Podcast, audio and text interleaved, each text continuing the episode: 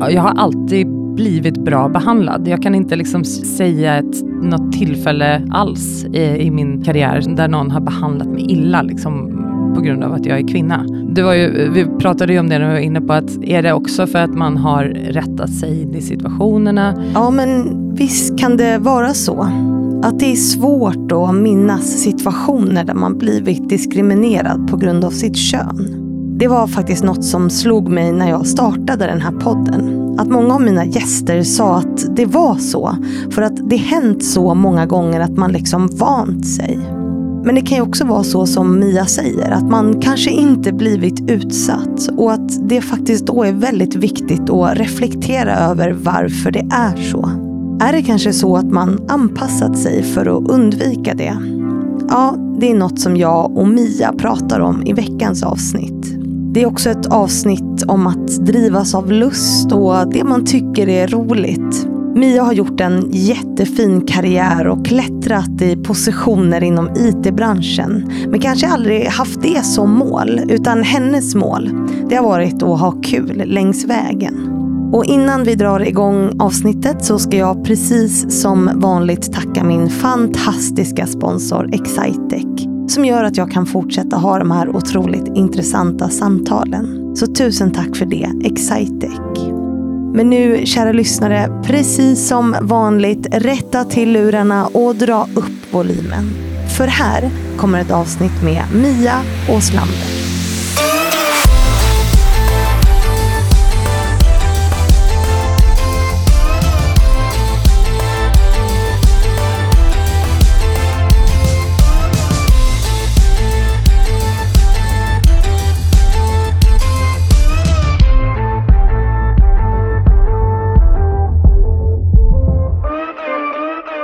Vi säger hej och varmt välkommen till Mia Åslander. Tusen tack. Säger man Åslander eller Åslander eller hur vill du att man säger? Åslander. Åslander, det blev rätt med andra ord. Ja. ja Kaching till mig. varmt välkommen hit. Tusen tack. Hur känns det att vara här? Ja men spännande. Mm. Lite så smånervöst, vad ska vi prata om och så. Ja. Men eh, det är jättekul. Jätteroligt. Vet, det är bra att vara lite nervös. Jag tror det. Det är alltid så när man ska upp på en scen eller när man ska liksom hålla något sådär. Så lite pirr i magen ska man alltid ha, tänker jag. Ja, det är väldigt bra. Och du vet ju, det är ju ett jämställdhetsperspektiv och mina gäster blir ju sällan förberedda på vad de ska prata om. Nej. Det är en liten fråga, tänk lite på det här kanske, ha det här mindsetet. Men i övrigt så är man inte så förberedd. Nej. Vilket jag eh, jag har märkt det är typ det bästa formatet för att bli samtalen lite mer spontana, lite mer öppna, mm. lite mer transparenta känner jag. Mm. Och du lyssnar ju på podden ibland också vet jag. Ja, men det gör jag. Mm. Jag har ju följt dig också väldigt länge. Aha. Så att jag, har, eh, jag har koll på dig. Uh, tycker du att du gör ett fantastiskt jobb med hela liksom, jämställdhetsarbetet och Aha. att du också faktiskt vågar vara lite modig i det och lite så provokativ ibland, för det behövs. Annars blir man bara mainstream. Så att, uh, jag tycker det är cool. Det gäller att hitta en fin linje där på något sätt. Mm. Eh, hur har du tänkt kring det? Jag är inte alls lika tuff som du är. Så du jag försökte styra ifrån här nu hur cool jag är och komma in på dig. ja, precis. Nej, men jag, jag, eh, jag tycker att jämställdhetsfrågan är rätt så svår, eh, komplicerad, mm. speciellt när man ska tala om den. För det är väldigt lätt att, att man hamnar i fel läge, att det blir liksom mer eh, ur ett påhoppsperspektiv mm. än tvärtom. Och jag tror inte riktigt egentligen att vi är där. Det är ingen som vill ha ojämställda företag eller mm. så längre. Det är man liksom strävar mot ett jämställt samhälle och jämställda mm. företag. Men eh, ändå så lyckas vi liksom inte riktigt ta oss dit. Och då blir frågan rätt så... Ah, den kan bli lite svår att, att lyfta fram ibland. Mm. För man måste ju komma med kritik. Det, ja. är, ju, det är faktiskt så. Eh, om man inte har lyckats ta sig hela vägen fram till ett jämställt bolag. Mm. Eh, så att, men, men jag är inte lika tuff som du är i det och eh, jag driver det mer ur ett, liksom, ett eh, försiktigare perspektiv kanske. Ja, hur ser det ut då? Alltså, hur gör man då? När man är lite mer, för jag menar jag har ju en profil där jag liksom är lite med mening mm. liksom, mm. Mm. för att påpeka problemen. Ja, precis. Men hur gör man det som dig då? Eller vad tänker du att du... Nej, men jag försöker ju faktiskt synas i de sammanhang där jag kan prata om jämställdhet. Mm. Jag tror också att det är viktigt att jag syns. Det är inte alltid helt självklart att man gör det, för det är inte, det är inte alltid bekvämt heller att göra det i alla sammanhang, utan ibland är det ju skönt att få liksom smyga lite bakom. Mm. Men jag tror att det är otroligt viktigt att vi som jobbar i mansdominerade branscher eh, faktiskt tar plats Mm. där, vi, där vi kan göra skillnad. För det, vi behöver synas. Mm. Eh, att det finns tjejer som jobbar i, i eh, branschen. Mm. För du är i techbranschen, du har varit det Mm. länge. Mm. Nästan hela Hela, karriären. hela va? mitt liv. ja, Ja, men inom marknad framförallt. För jag tänker så Mm. här, gästerna, vi ska prata mer om det här, men jag tänker att eh, för många gånger så hamnar jag i massa samtal och så vet inte folk vem de lyssnar till. Nej. Mer än att jag har sagt, ditt namn. Ja. Eh, så jag tänker att vi stoppar den diskussionen där och så går vi till liksom, vem är Mia? S- Svår fråga att svara på, beroende på vilket perspektiv. Jag är så himla van att, att presentera mig med min roll och mitt Mm. bolag och sådär. Men eh, jag som person är ja, framförallt eh, mamma till eh, tre barn, som jag prioriterar väldigt högt naturligtvis. Eh, två tjejer Mm. som är 18 och 17 och en eh, kille som är 11. Och just eh, tjejerna har ju faktiskt fått mig att tänka väldigt mycket ur, liksom, vad ska de få leva i för värld och sådär. Så att eh, de bidrar ju till mitt liksom, jämställdhetstänk naturligtvis. Mm. Eh, Så det är ju liksom familj och, och vänner och hela den delen är viktiga såklart. Men sen är jag, jag är verkligen en arbetsnarkoman. Jag älskar att jobba. Jobbar, lägger ner väldigt mycket tid på mitt jobb. Inte heller helt okej faktiskt alltid som tjej att säga det. Nej. Att man eh, prioriterar det så högt. Mm. Eh, Men jag gör verkligen det. Vad har du mött för kritik kopplat till det då? För du har ändå du har gjort en, en karriär liksom, i den traditionella bemärkelsen. För karriär kan vara olika för alla. Mm. Men liksom bilden av karriär är ju att man klättrar i titlar på något sätt. Ja. Alltså, tyvärr, tycker ju jag. Men, men du har ju verkligen gjort en sån karriär. Vad är det för typ av kritik du har mötts av då? Att du är kvinna och prioriterar det? Ja, nej, men det var väl kanske framförallt när barnen var yngre. Då. Mm. Nu eh, är det bättre, för nu har jag liksom mer spelutrymme eftersom att de är större och kan faktiskt vara med och delta i, i familjearbetet hemma också. Mm. Eh, så det är bra på så sätt. Nej, men, eh, nej, men jag har alltid känt att det inte har varit okej Mm. eh, i olika sammanhang. Sen har jag inte fått liksom, kanske direkt kritik för att jag jobbar mycket. Men det är ofta som jag själv kanske tystar ner hur mycket jag eh, faktiskt jobbar. Mm. Och att jag gärna sitter kvällar sent och att jag är uppe tidigt på morgnarna och sådär. Och, och att jag själv liksom lägger ner mycket tid på det. Mm. Eh, för den kan man ju prioritera på annat i sådana fall. Mm. Så att, ja. Hur hanterade du det då? För det är ju tufft att få den typen av kritik tänker jag. Ja.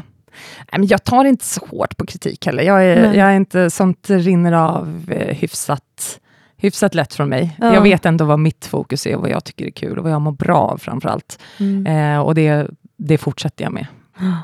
Men har ditt mål alltid vara, varit att göra karriär? Liksom? Är det något, för du säger att du älskar ditt jobb också, Ja. hänger ihop med det? Eller har du haft någon tydlig plan och tänkt så här, jag vill verkligen Ja, det? nej, enormt oplanerad på så sätt. Mm. Jag har inte haft målet att göra karriär. Eh, mitt mål med, liksom, när jag startade jobba, jag har alltid gått på hjärtat. Vart ser det roligt ut? Alltså jag vill ha kul på Mm. jobbet. Eh, det är det som driver mig. Eh, och får jag, hamnar jag på en arbetsplats och en roll som jag vet att jag har roligt på, då, det har liksom blivit mitt nästa steg hela tiden. Mm. Så marknadsföring var det första jag liksom nappade på. Mm. Och det var ju liksom när jag var i dryga 20-årsåldern och, och ser att de, de verkar ha kul på marknadsavdelningen och fixar kickoffer och fixar fester. Är det det som har kul på jobbet? Ja, när man är 22 så är det Det, så var det det. Ja. Då, då valde du efter festerna och nu är det något annat eller vad? Nej, samma. Ja, det, det är samma nu. Vilka har bäst kickoffer? Ja. Där, där börjar jag jobba. Precis.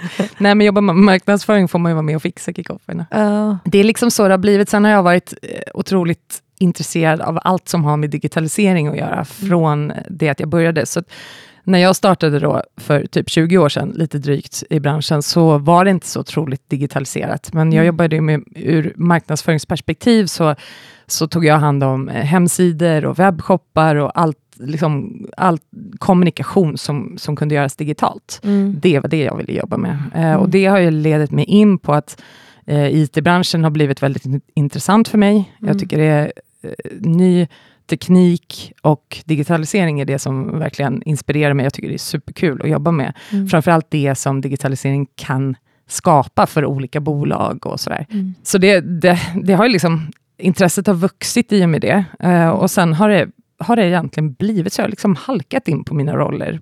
Mm. Jag har aldrig siktat efter någon vd-roll, eller så. Jag har liksom inte varit på det sättet. Men sen, sen har det, ja, det passar bra. När jag väl är här så, så är det bra. Så, så är det bra. Men Ja, vad, är det med, bra. vad, är det, vad är det du tänker att di- digitaliseringen kan göra? För det var min nästa fråga. Så här, vad är det med digitalisering som är så intressant? Du sa att det kan hjälpa företag och så här. Ja, På vilket sätt tänker Ja, men du? det är i alla processer egentligen. Mm. Eh, allt kan bli mer effektivt med hjälp av digitalisering. Mm. Och då har vi kommit rätt så långt i det, redan från, liksom, vi har hållit på med det här rätt länge nu, Mm. men det tar liksom inte slut. Det finns hela tiden nästa steg, att utveckla ett bolag. Och det, det beror så på vilken typ av bolag du är. Men det är ju allt ifrån liksom, betalningsprocesser till hur du kommunicerar med folk och hur du, Mm. hur du når människor på ett helt annat sätt. Bara, bara sociala kanaler. Liksom. När jag var med och, och byggde vårt första, eller första varumärket i IT-branschen, då fanns inte digitala kanaler alls på samma sätt. Det här Mm. var 2000. Var det typ Atea du var på? Ja, precis. Mm. Det var när Atea skapades. Och då, det var helt andra förutsättningar att lyfta ut ett varumärke. Mm. Eh, då var det ju liksom, man köpte affischer på, i tunnelbanan och, och, och det känns ju som att det är evigheter sedan. Mm. Men det är inte sådär jättelänge sedan. Men Nej. det var, det var liksom en helt annat sätt att kommunicera. Sen kom alla sociala kanaler och liksom hela den biten. Så, så det var ju omvälvande för hela kommunikationsbranschen Mm. i hur du kunde ta ut saker till marknaden. Mm. Och jobbar du då med kommunikation i hur du lyfter ut liksom, paketeringar och, och det du vill sälja, hela ditt budskap, så har du helt andra möjligheter. Mm. Du är verkligen passionerad för det här. jag är det. Men jag tänker att det är väldigt viktigt att, att prata om. Jag tänker framförallt eftersom att IT-branschen liksom saknar kvinnor. Mm. Eh, och jag, igår var det ju internationella kvinnodagen och då var jag på ett eh, hos Tieto Evry med Tech Sverige Mm. eh, och hade, de släppte en rapport om liksom, unga kvinnors inställning till IT-branschen och sådär. Mm. En del av att det, de är bortskrämda är ju dels att det är gubbigt Mm. och sen också att man har en bild av IT-branschen eller techbranschen som liksom inte är den du beskriver nu. Nej.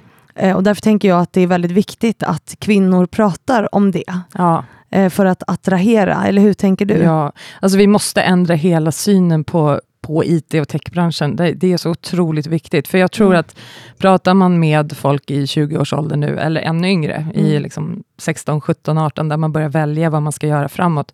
Om man pratar om IT eller tech, då är det många har nog bilden av liksom Ja, men att, att du har en serverrack framför dig, eller du har Ja. nätverkskablar, eller du har liksom, ja, du måste ha ett enormt eh, djupt tekniskt intresse för att Mm. jobba med IT.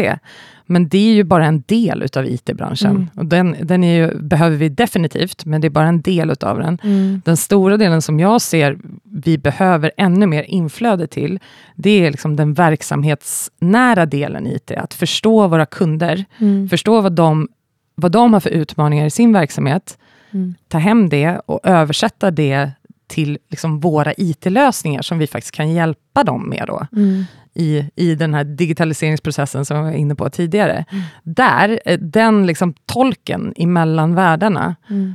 den, det är så otroligt spännande roller. Och Mm. det är verkligen inget, jag tror inte den, den är varken kvinnlig eller manlig. Det finns liksom ingen, eh, du behöver inte komma från en eh, viss bakgrund eller ha något speciellt DNA i dig för att vara intresserad av att förstå kundens utmaningar. Mm. Så där tror jag att vi behöver liksom bli tydligare i det eh, och Mm. försöka få fram vad, vad är det då man kan göra? Liksom? Vad, är, vad kan rollerna vara? Mm. Och det som också kom fram i den här rapporten, det är att det saknas förebilder. Mm. Men gör det verkligen? Eller, liksom, eller är vi bara dåliga, eller vi, för jag är inte inom techbranschen, men jag är förknippad med den. Är vi bara dåliga på att lyfta dem? För jag tycker att det finns väldigt många. Mm.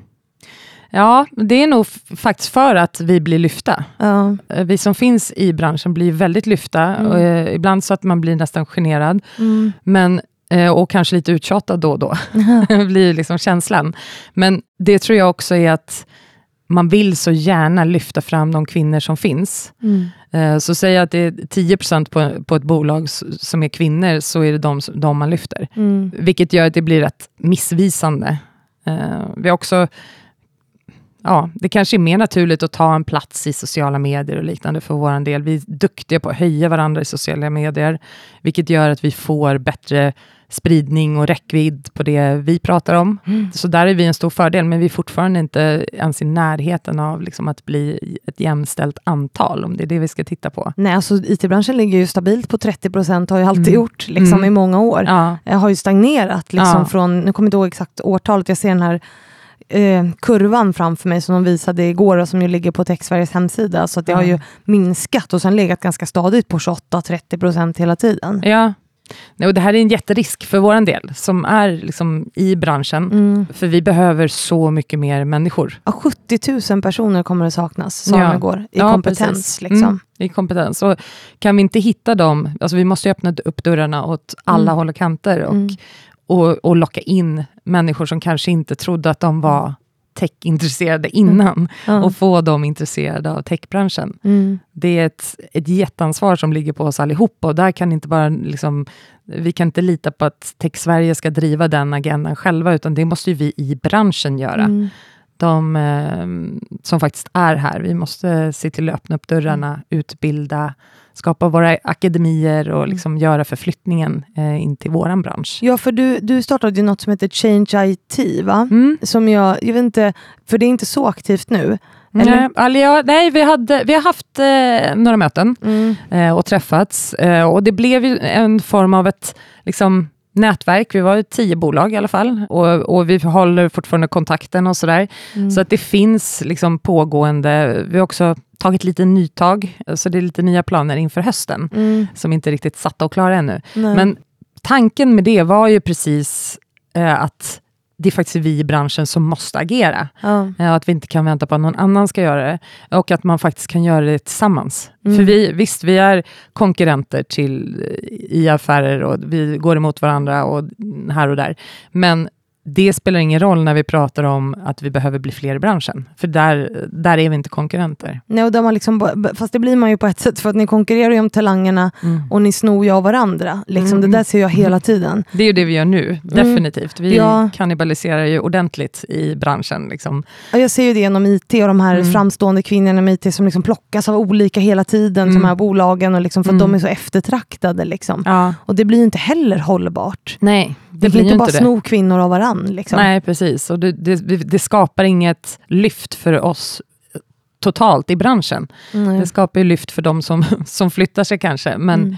men vi behöver bredda. Det är mm. det som är det viktiga i det. Och då handlar det om att nå ut till skolor och sådana där saker, tänker jag? Ja, det är ju en, en jättestor del av det, för att mm. vi måste ändra det som vi var inne på innan. Då. Vi måste ändra bilden av IT-branschen för att locka yngre killar och tjejer mm. framförallt, men, men också killar. Liksom. Vi vill ha eh, massor med folk in i branschen. Mm. Eh, men sen så tror jag också att vi behöver titta uppåt i åldrarna. Det mm. finns så, så mycket erfarenhet mm. eh, hos den äldre generationen som eh, vi verkligen behöver. Och där får man inte heller vara rädd. Det är inte liksom att, att eh, inte anställa någon på grund av att den har passerat en viss åldersgräns är egentligen helt galet. Mm. Det borde vara precis tvärtom. Vi borde uppskatta erfarenheten och åldern mycket, mycket mer än vad vi gör i Sverige. Och det där gäller ju alla branscher. Alltså det finns ja. en enorm åldersdiskriminering. Ja. Mot, mot de som liksom passerar 50, så är man såhär, nej. Alltså, jag har ju guldläge. Jag är vit kvinna ja. som ser bra ut och är 30-årsåldern. Jag skulle få jobba imorgon om jag ville. Liksom. Men ja, det men... blir ju svårare när man, när man kommer upp i åldern, tänker jag. Ja, Nej, men eh, så är det ju. Och det är ju en... Ja, det, det, jag kan egentligen inte förstå den Eh, det är då man har samlat på sig den erfarenheten man behöver. Mm. Och man har verkligen hungern kvar. Det finns ju liksom, finns massor att göra, även fast man är äldre. Mm. Sen tänker jag på också, det är superviktigt att, sen att satsa på yngre. Alltså, mm. Jag har en systerdotter som är 15 nu, eh, som liksom fick börja testa på att koda lite i skolan. Hon går i engelska skolan i, i eh, ja, vi behöver inte säga exakt var, men hon går i mm. engelska skolan i alla fall.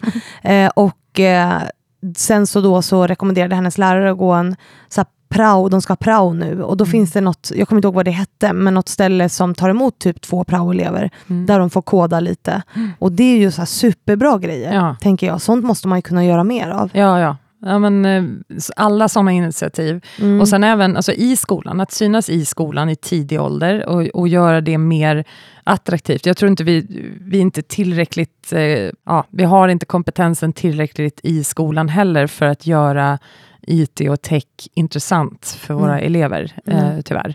Eh, och där skulle vi också som IT-bolag kunna eh, vara mycket mer delaktiga. Mm. Eh, absolut. Eh, men sen när man kommer ut ifrån skolan, då är också rätt nykläckt. Då Ja. behöver vi vara liksom snabba på att plocka upp, eh, fortsätta mentorskap och akademier och den typen av liksom, utbildningar för att eh, få in dem i, i bolagen och sådär. Mm. Det görs jättemycket sådana fina, fina eh, initiativ, men Mm. jag tror att vi kan bli ännu bättre på det. Mm. Min sponsor eh, Excitec är ju väldigt bra på det. Känner du till dem? De har, har ju ett jättebra traineeprogram bland Mm. annat, som gör att de är faktiskt väldigt jämställda. Ja, Jag tror att de passerade, jag ska inte säga exakt, men typ 40 procent eller något sånt där ja. eh, förut. Eh, för att de satsar på unga bra. talanger och får in liksom, unga kvinnor ja, i sina traineeprogram. precis. Sen är jag också övertygad om att kvinnor lockar kvinnor. Ja. Alltså har man, börjar du få in, så någonstans måste man börja. Du måste Mm. få in kvinnor i bolaget. Mm. Det kommer göra att det attraheras fler kvinnor till ditt bolag. Mm. Så att man får inte vara rädd för liksom första steget, Mm. eh, utan verkligen ta det och kanske anställa flera då, så att man inte kommer in som ensam tjej på, på bolaget heller, tillsammans med eh, där resten är, är män och sådär. Så att jag, Mm. den tror jag rätt mycket på också. Mm. Men sen är det ju den här gubbiga eh, kulturen. Eh, och det här är också en fråga, nu kommer Excitec upp mycket, men det är också en fråga från dem. Alltså hur kommer vi åt den här gubbiga kulturen i IT-branschen? För den finns ju där. Alltså jag har ju själv varit där liksom, och vet ju att den är ett problem. Mm. Vad tänker du om det? Ja, det här är ju det är speciellt. Alltså jag, och jag som har varit i IT-branschen så himla länge, Mm. eller ja, himla länge, det finns ju längre än jag, men det har ju varit eh, bra mycket värre. Vi har kommit en bit på väg. Ja. Eh, jag tror ju också att, så jag skulle inte säga att den är Jag upplever väl kanske, där jag är, är den inte speciellt gubbig. Så. Men det, det enda sättet att justera det på, det är ju att ta in andra typer av eh, människor. Flera typer av människor. Mm. Inte bara en. Och jag tror att man kallar den för gubbig, det är ju för att det har blivit alldeles för många utav samma, exakt samma ålder, samma kön, samma Mm. liksom, eh, åsikter och tankar. Man kommer ifrån samma håll. Mm. Det är väldigt lätt eh, att gå i fällan att bygga den liksom, typen av team. Ja. Eh, och sen har det blivit vad man kallar för en gubbig bransch. Det kan också kallas för en machobransch, eller det är Mm. liksom eh, den typen av eh, benämning på det. Men det, det, att komma ifrån det, eh, det handlar ju bara om att bredda, alltså Mm. att bli flera. Och det är ju det vi jobbar med dagligen, både i jämställdhetsfrågor, men ur ett mångfaldsperspektiv också. Mm. Alltså, det finns så många andra bitar att bredda sig också på. Mm. Och då, då försvinner ju den typen av kultur. Mm. Och det är som Stefan Alariksson har sagt eh, några gånger, att det är vi blekfeta medelålders män som måste ta ansvar för det här på något sätt. Upplever du att män i din närhet gör det? Ja, men det tycker jag ju, eh, det tycker jag ju Ja. faktiskt att man gör. Och, men man har kanske inte alltid verktygen. Ja. Man vill göra det. Man, man, eh, har, man har det högt på agendan. Mm. Det finns med i liksom, eh, strategier och planer framåt att man ska bli jämställd. Sen, sen är det det är inte helt lätt heller. Eh, det ska man säga. Jag, jag kan väl säga att jag har ju lite enklare i, i min position eh, att, att jag är kvinna. Mm. Just för att jag har möjlighet att öppna upp dörren för flera kvinnor Mm. på lite enklare sätt. Mm. Så att, Fast eh, varför är det enklare för dig? därför att jag är kvinna. Jo, men Och jag det borde har- vara lika lätt för en man att öppna Ja. dörren för en kvinna. Ja, absolut. Öppna dörren, men jag har ju kanske nätverket. Jag har kontakterna. Jag vet att flera som följer mig eh, är intresserade av vårt bolag och sådär. Så att jag tror att på så sätt så, så kanske det liksom är en snabbare väg in. Mm.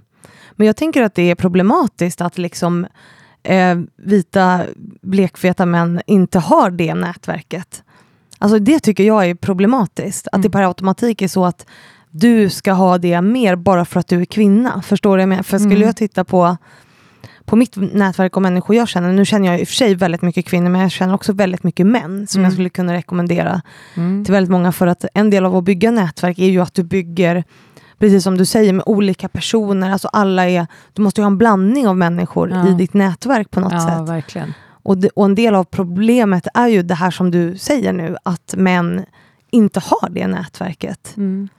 Hur kommer vi åt det tror du? Gud vad tuff och hård jag blir. Nej, inte så tuff och hård. Men, ja, men nej, det är svårt att svara på frågorna, så är det ju. Ja. Eh, för det är inte... hade det, finns varit liksom- lätt hade vi ju varit jämställda. Ja, så är det ju. nej, men så är det ju. Så Mm. är det. Sen tror jag också att det tar tid. Tyvärr så har vi sagt så länge. Mm. Eh, det tar kanske lite för lång tid, men jag märker också att generationerna som kommer upp under oss, Mm. de har en helt annan syn på eh, jämställdhet. Mm. Och man bygger helt andra nätverk från start. Mm. Där är det inte så indelat eh, manligt och kvinnligt på samma sätt, inte som jag uppfattar det i alla fall. Nej. Och det finns en mycket större självklarhet från båda sidor Mm. att det ska vara jämställt.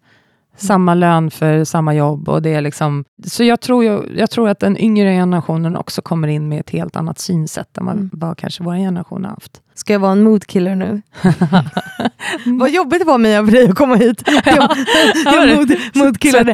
Nej, nej, svettigt. Nej, inte svettigt så. Nej, det är ingen kritik mot dig, utan så här bara att det släpptes ganska nyligen en rapport som visar att de som är absolut värst, alltså som ser tjejer som ett största hotet, de har utvecklat det som kallas för modern sexism. Där man ser kvinnors och tjejers framfart som ett hot Mm. mot sin egen liksom, möjlighet att lyckas. Eh, Enkelt beskrivet. Eh, Och de som är värst, det är unga pojkar. Mm. Åh, De vad är- ledsen jag blev nu. De är värre än, än de också. äldre männen. Ja. Tydligen. Eh, och det är ju en kartläggning av 27 länder i Europa. Värst, Mm. värst var, jag kommer inte ihåg vilket vann, var Slovakien tror jag. Mm. Men att Sverige ligger ändå i bottom 10. Liksom. Mm. Men där tänker jag också att skolan kommer in. Jag vill inte vara en moodkiller men, men liksom att det är en viktig Nej, fråga att lyfta. ja, om vi nu ska verkligen. förändra världen och Mm. förändra branschen så Mm. måste man ju veta att det här är en utmaning. Mm. Att de ser det som ett hot. De kommer å andra sidan mötas av ganska hårt motstånd tror jag för att unga tjejer är väldigt mycket mer medvetna Ja. än vad jag eller du var antagligen liksom Mm. när man började. ja, nej precis. Ja, det var, det Vad- var vad tråkiga glad- nyheter. Vad glad, du blev nu. Ja.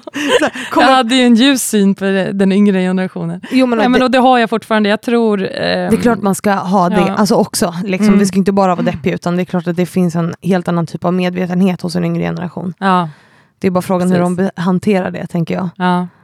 Nej, det är Eh, sant. Vilket inte, och du har ju en son så du Mm. får ju prata med. Han är bra bearbetad av två storasystrar också, så att han är... Ja. Är de medvetna och har koll liksom, eller pratar de om de här sakerna? Ja, eh, och sen är det, jag skulle säga att de är inte liksom, vi pratar väl inte jättemycket jämställdhet hemma så, på så Mm. sätt, men, men det är nat- kommer sig naturligt för dem på ett helt annat sätt. Och det gillar jag, det uppmärksammar ju jag. Jag Mm. ser ju liksom, ja där de ja, men, agerar på vissa sätt och, och tar saker och ting för självklara. Och där har ju även de som jag jobbar med som är yngre än mig, där jag kanske har lite så här, bett om ursäkt tidigare eller sådär, de är mycket, mycket mer självklara Mm. I, eh, i sitt liksom, sätt att vara och, och ta plats i ett rum och sådär. Mm. Och det gillar jag. På vilket sätt tänker du att du har bett om ursäkt innan? Nej, men det, är ju, eh, det är ju lätt att eh, ja, ta, ta, vad ska jag säga, ta för liksom stor plats kanske, där Mm. man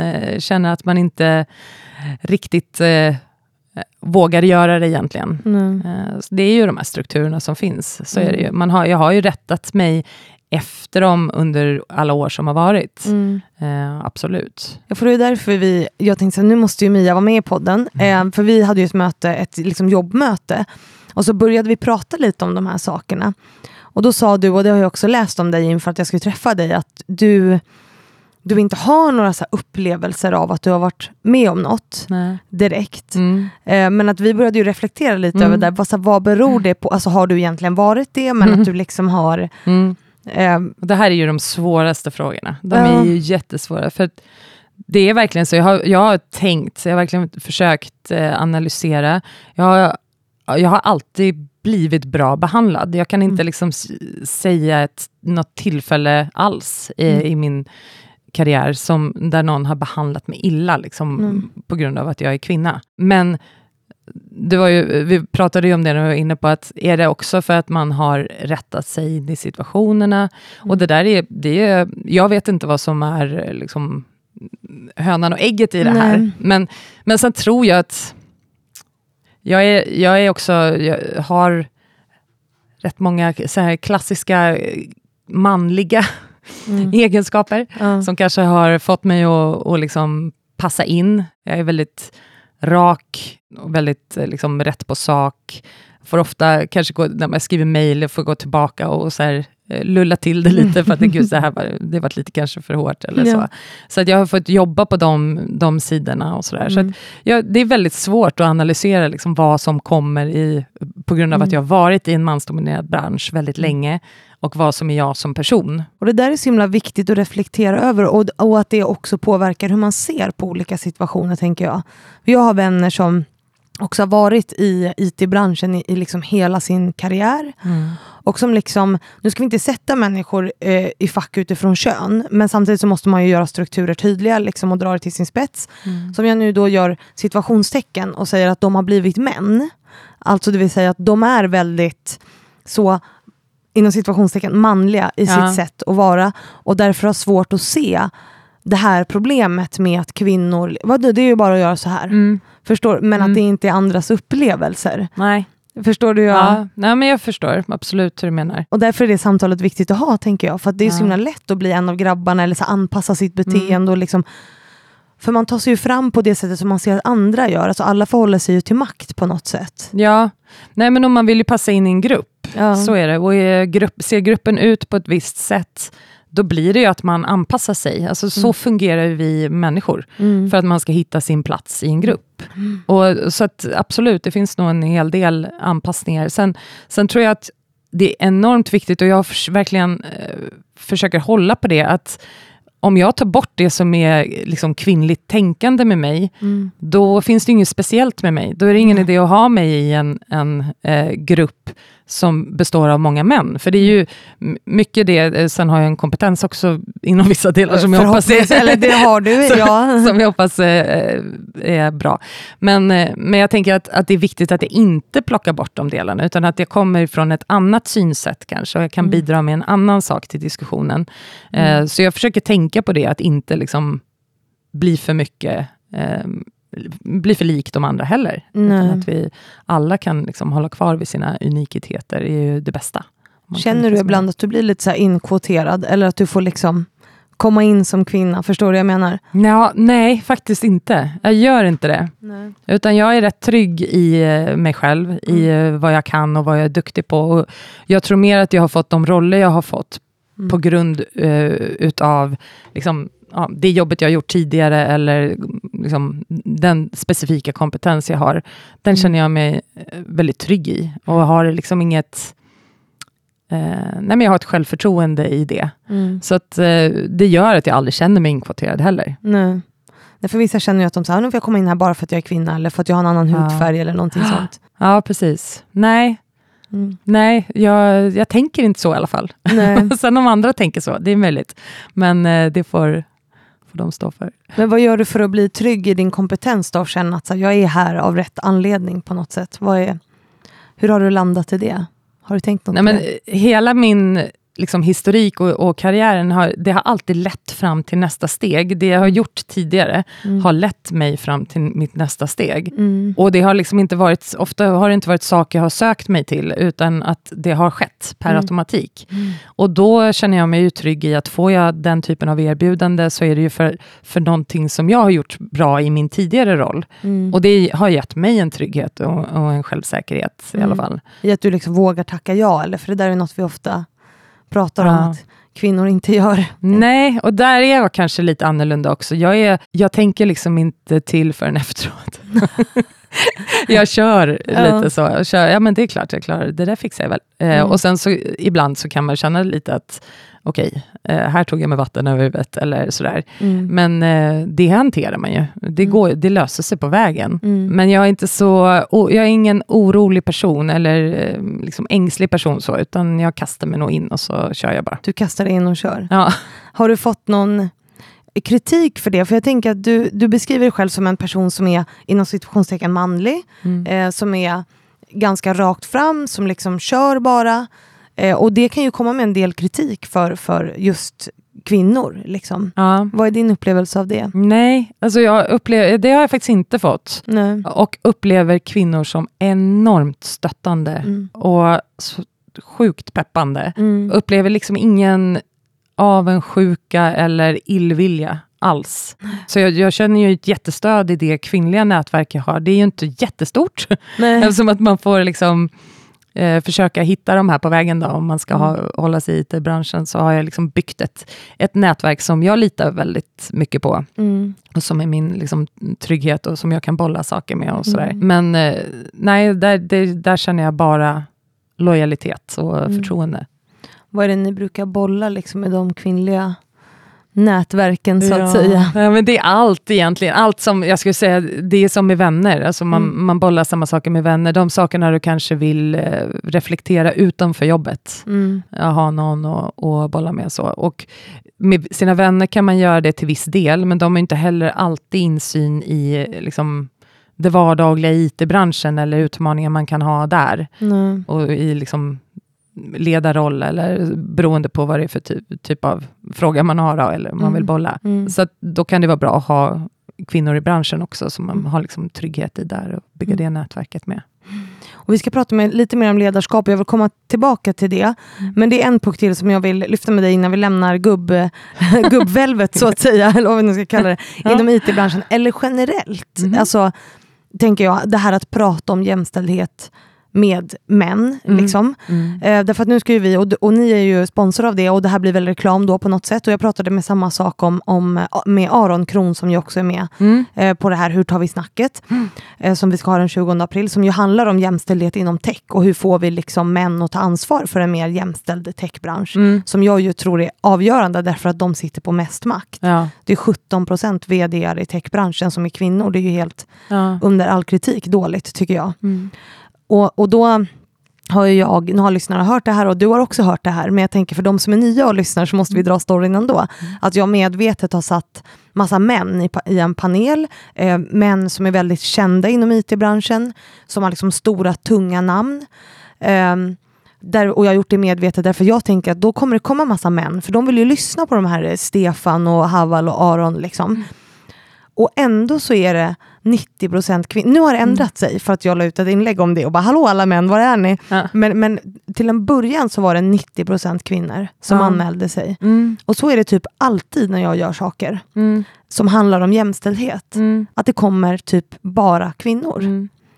Vad tänker du om det? Nej, men det är väl oss det berör mest, tänker ja. jag. Eh, eller det, det är oss det ligger närmst i alla fall. Men mm. jag skulle inte säga egentligen att det berör oss mest, för det, det, vi är alla lika liksom, skyldiga och involverade i frågan ja. för att få ordning på den. Jag tycker den här panelen är helt fantastisk. Jag ser fram emot den här dagen jättemycket. Ja, det ska bli jättekul. Ja, och jag hoppas att så många som möjligt kommer, framförallt män nu då, om det är sån eh, skillnad där också i, i anmälningsstatistiken. Ja. Men jag, jag, tycker det är jätteintressant att höra ur ett manligt perspektiv också, hur vi kan driva frågan vidare. För att det är klart att vi kan stå på och liksom kämpa för våra rättigheter, men det blir otroligt mycket tyngre om faktiskt de som sitter på makten, på många av de stolarna, själva mm. eh, lyfter frågan. I, och, och Eh, jag tror också att man ser det ur ett annat perspektiv. Det är inte bara vi som vill slå oss fram och att det är det som är syftet med våran kamp, mm. eller vad jag ska kalla den för. Utan eh, man, man ser faktiskt ur ett affärsperspektiv att det blir mycket bättre, mer lönsamma för, företag mm. om de är jämställda. Mm. Eh, och det tror jag att är det en man som säger de orden så kanske det blir lite mer tyngd i det. Mm. Eh, och vilket är synd. Ja, det är, det är synd, men mm. det blir ju ändå det blir någon annan som säger det som inte har en fördel i att säga det ut, ur sitt eget perspektiv. Mm. Alltså, om man tänker som person. Mm. Så att eh, jag hoppas, och, och sen är det ju jag hoppas också på den dagen att man får lite så nycklarna till vad mm. är det de har jobbat med. Eh, är, hur har de eh, jobbat med jämställdhetsfrågan i sina bolag? Mm. Och jag uppskattar dem otroligt mycket, för de, de vågar också ta positionen utåt. För där, där skiljer vi oss väldigt mycket. Om man tittar eh, på LinkedIn och liksom flödet mm. där, så är det otroligt mycket med kvinnor som agerar utåt på så sätt, ja. eh, i de kanalerna. Mm. Och där tycker jag också, jag skulle så gärna vilja se fler män mm som faktiskt liksom gör sin röst hörd i sociala kanaler. Mm. Och även liksom ur det, det, det, har ju de gjort, liksom, mm. tagit den positioneringen och, och lyft frågan. Ja. Det tycker jag är väldigt, väldigt bra. Ja, för det behövs manliga förebilder också. Ja. Och som jag också tänker vågar prata om så här, men är det alltid... Alltså de vågar vara lite sårbara också, tänker Ja. jag. Att sårbarheten i det här är ju Mm. enormt viktig. Ja, Nej, det är verkligen. Verkligen. Så vi får ju prata ihop oss lite om så här, vad du tänker att jag ska ställa för frågor Ja. på scen och sådär. Ja. Så att vi får ut det här konkreta av det. Ja, Därför Nej, men, att eh, eh, det är det jag tänker också, att det ska bli alltså, inspirerande och säga så här, för att och också prata om vad är det som är svårt då? Mm, Vad är det som är svårt som man att driva de här frågorna? mm. Vad är problemet Mm. liksom, på något Mm. sätt? Och att de får öppna upp sig om det, tänker jag. Mm. Nej, Den är, jag är jättenyfiken. Det Ja. ska bli väldigt spännande att höra. Ja, det blev ju reklam det här, men det Ja, var ju ja. inte, det, det var inte, eller ja, det är ju jättebra om folk som lyssnar vill komma, men nu har de ju hört det några gånger. men, men vi ska gå vidare till att prata eh, ledarskap. Mm. Det var du säger att du bollar saker och så här och jag tänker att dina, dina roller, du säger att de har kommit per automatik, vilket jag tror du har jobbat ganska hårt antagligen Mm. för att hamna där du är. Mm. Eh. Du, idag är du ju vd och koncernchef på Aderian som är ett stort bolag. Mm. Ni omsätter ju miljarder, eller? Ja, nästan eh, i alla fall. Eh, Nästan. 800 miljoner. Så 800. är nära, men snart är vi om. Och det är ju jättestort. Alltså, Ja. det, det är ju en Ja. jättestor eh, koncern. Liksom. Jag vet inte hur många anställda är ni? Det pratade vi om förut. Ja, 320. Mm. Mm. sånt. Det är ju fantastiskt. Mm. Eh, och du har inte hamnat där per automatik, att det bara kommit hit och dit, utan du har ju jobbat hårt. Ja, precis. Jo, men det har jag verkligen gjort. Och jag ska, det ska vi säga att det, det ligger, ligger mycket tid och, och kraft bakom det. Eh, men, men varför jag säger att jag har hamnat där, det är ju för att jag har gått på hjärta. Liksom. Jag, Ja. skulle inte, jag skulle inte ta en vd-roll för att det är en vd-roll i, Mm. i exempelvis ett bolag där, som jag inte har samma värderingar som, eller som jag inte liksom... Jag skulle inte...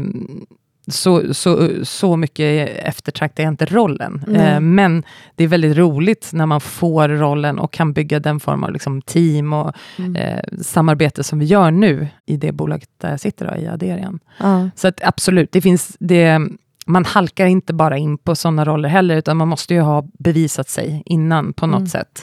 Så att, eh, det har jag jobbat hårt för. Men jag tror också att jag tar lite lätt på det där för att det är min passion. Ja. Det blir ju så, jag, jag älskar att jobba, jag tycker att det är superkul, vilket gör att, ja, då, då blir det, om, jag, om det också går bra i min hobby, Mm. så, så är det enklare för mig då, tycker jag. Hur har du gjort då för att hitta det som du liksom brinner för? Mm, ja, För det Nej, där men- är ju svårt. Ja, nej men det har handlat mycket om, skulle jag säga, att, att bygga. Alltså i de rollerna jag har nu, eh, eller rollen som jag har nu, och har haft tidigare, min Mm. tidigare arbetsgivare, så handlar det otroligt mycket om att liksom rikta folk åt samma håll, Mm. eh, sätta gemensamma mål och få folk att, tycka att det är kul Mm. att gå mot det målet.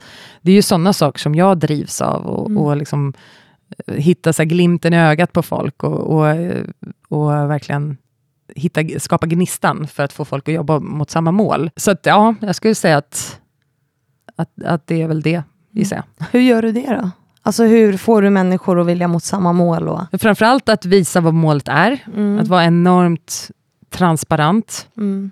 i allt. Jag är som ledare så transparent som jag bara kan bli, kanske ibland lite för transparent, men det Vad innebär det? Nej, men eh, så, in, så, så långt jag kan komma till att eh, man får inte avslöja liksom, folks hemligheter eller, eh, eller liknande. Nej. Man har ju vissa förtroende och så, och det finns reglementen inom bolaget och sådär, vad man inte Mm. får läcka. Mm. Men inom de gränserna så försöker jag vara så transparent som möjligt. Mm. Eh, för jag det, ser det som en superkraft. Om alla vet om så mycket som möjligt Mm. eh, i liksom, den resan vi ska göra tillsammans framåt, så, så jobbar man tydligt mot samma mål. Mm. Så att jag, jag brukar säga det till dem jag jobbar med, om det är så att ni har uppfattat att ni inte har fått information, så är det inte för att jag inte har gett er den med vilja, utan det är för att jag glömt bort det förmodligen. Mm.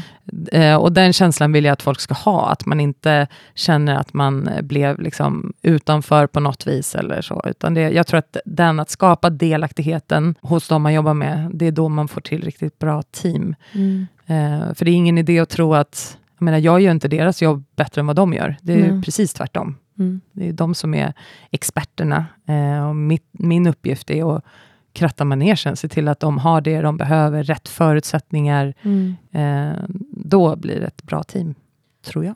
Bibi Rödö sa det så fint när hon var här. Hon sa, jag ger dem ramen och sen får de liksom måla tavlan. Ja, Det tycker jag är ett väldigt ja fint snyggt. Visst är det ett fint Ja. citat? Ja. Liksom, att eh, bara ge så här, hit ska vi, sen har ni kompetensen att ta er dit. Ja, men det är ju, det är ju precis faktiskt Mm. så det är.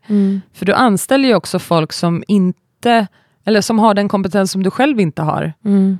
Och då kan man ju heller inte gå in och säga till dem vad de ska göra. Nej. D- Då är man ju rätt eh, värdelös. Då är det bättre att hitta, hitta kopior av sig själv då, som Mm. bara kan göra det man säger åt dem.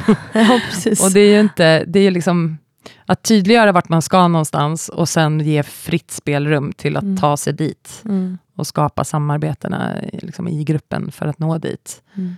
Det tror jag på. Hur pass transparent är du med dig själv då? Med Mia liksom? Mm, hur menar du då? Nej men jag tänker så här, hur pass mycket släpper du in? För ofta så pratar vi om så sårbarhet eh, i ledarskap, att liksom Mm. våga öppna upp och visa vem man är och visa sig själv och liksom exponera kanske sina misstag. Alltså, Mm. sådär. Hur Mm. tänker du kring det? Nej, men jag, är inte, jag är inte alls prestigefull. Liksom. Nej. Jag har väldigt lite prestige, kan väldigt, har väldigt lätt att säga att det här är inte, min, det här är inte det jag är bäst på. Nej. Men det kanske också handlar om att jag är rätt trygg i vad jag kan. Mm. Och det är jag helt okej med att säga. De här sakerna, det här är jag bra på. Mm. Men då är jag också väldigt eh, tydlig med att säga att det här är inte det jag är bäst på. Alltså man, man kan inte ha hela spektrat, det är helt omöjligt. Mm. Och då är jag i ett tidigt skede eh, tydlig med att de här sakerna är jag dålig på. Mm. Eller behöver liksom, här behöver jag personer som är riktigt bra på de bitarna. Eh, då vet ju också de som har anställt mig, vet ju vad jag behöver backas upp på. Mm. Så att, eh, det är nästan en förutsättning för mig att, att ta ett uppdrag. Mm. Att man ska veta hela, hela jag, liksom, Mm. vad jag är bra på och vad jag är dålig på. Eh, och då kan jag också bygga rätt team Mm. som kan matcha upp kring det. Vad är du bra och dålig på då? Ska jag dra det här? ja, det kan, om du känner dig trygg med det. Ja, ja ehm, nej men ehm, Det- om man säger så här, då, jag har ju en eh, stark bakgrund inom marknad och kommunikation. Mm. Eh, VD-roller kan ju se väldigt olika ut. Mm. Eh, man kan komma från det klassiska liksom, ekonomiska perspektivet, eller ifrån försäljning, eller ifrån marknad och, och kommunikation, och så, Mm. varav jag är tydlig i det. Så att de andra bitarna kanske jag inte är lika stark på. Nej. Utan då, men då teamar jag upp med folk som har enormt god kompetens eh, Mm. inom, ja, inom både det ekonomiska, finansiella, sälj. Mm. Eh, ja. Där, och där kan man ju lära sig också. Men, ja, fast du kan ändå aldrig bli komplett. Alltså, du Mm. måste ju naturligtvis ha kontroll och du måste förstå. mm. Men du behöver inte vara den som är bäst på det. Nej, men det är en ganska skön inställning att man så här, behöver inte vara bra på allt. Eh, därför att ofta pratar vi om så att vi ska bli så, vad är jag dålig på, då ska jag bli bättre på det. Och det är också en del av problemet i vårt Ja. samhälle tycker jag, att vi ständigt pratar om det. Så här, hur kan jag bli bättre, hur kan jag bli bättre, hur kan jag bli bättre? Ja. Eller hur kan jag bara odla det som jag redan är bra på? Ja, Det är en mycket skönare inställning, ja, tycker ja. jag. mycket bättre. Men många bränner ju ut sig i den där jakten på att Ja. alltid blir bättre. Ja. Ja, men då blir vi ju alla generalister i sådana fall. Mm. Då kommer det inte finnas några specialister. Nej. För ska du bli specialist på någonting, då kan du inte vara bred. Du Nej. måste ha antingen eller. Mm. Du kan inte ha både, både och. och. Och i vd-rollen så behöver du till viss del vara bred, Mm. naturligtvis. Du behöver ha förståelse och du be- behöver se logiken i saker och ting. Mm. Men, eh, men du kanske inte behöver vara liksom, experten på allt. På allt. Ut. Vad har varit mest utmanande längs vägen då? Vad är det som har varit absolut svårast? Mm. Nej, men det har kanske varit för min del att hitta liksom balansen. Mm. I och med att jag har familj och, och tre barn, det är ju inte heller helt eh, ovanligt eh, att man har familj och barn. Men när man behöver lägga så pass mycket tid så behöver man ha backning hemifrån. Mm. Så är det bara. Det Mm. går liksom inte att eh, tro att man ska kunna göra det hundraprocentigt själv. Nej. Utan då behöver man vara ett team även på hemmafronten. Mm. Så att hitta den balansen, och den har ju liksom gått, ja, jag har ju teamat upp med min familj lika länge som jag har jobbat. Mm. Så att det är klart, det har ju också gått upp och ner över år. Mm. Eh, över åren, liksom vart, vart min man har befunnit sig och hur gamla mina barn har varit och sådär. Mm. Så att hitta den balansen då tillsammans med, med ett jobb, det har ju varit en utmaning ibland. Liksom. Hur har ni löst det då? Ja, vi har tajmat det rätt så bra. Vi har Mm. liksom dragit i det där. Sen har vi, vi har alltid haft full förståelse för varandras jobb och vi har alltid haft väldigt flexibla jobb. Ja. Det tror jag faktiskt är lösningen. För jag är ju, sitter sällan på jobbet eh, efter liksom fem, halv sex. När mötena är slut, då åker jag direkt hem.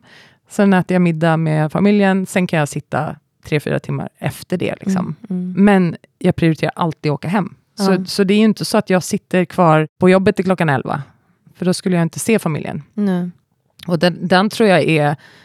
Jag tror att det är bra också faktiskt att visa det, för Mm. de man jobbar med. att Det handlar inte om att prestera flest timmar på kontoret, utan eh, det handlar om att hitta balansen i livet. Ja. För då, då kommer man kunna hantera båda. Mm. Man har ingen, man har ingen som helst nytta av att folk eh, liksom bränner ut sig och mår dåligt. Det, det är fruktansvärt om det ska behöva bli så.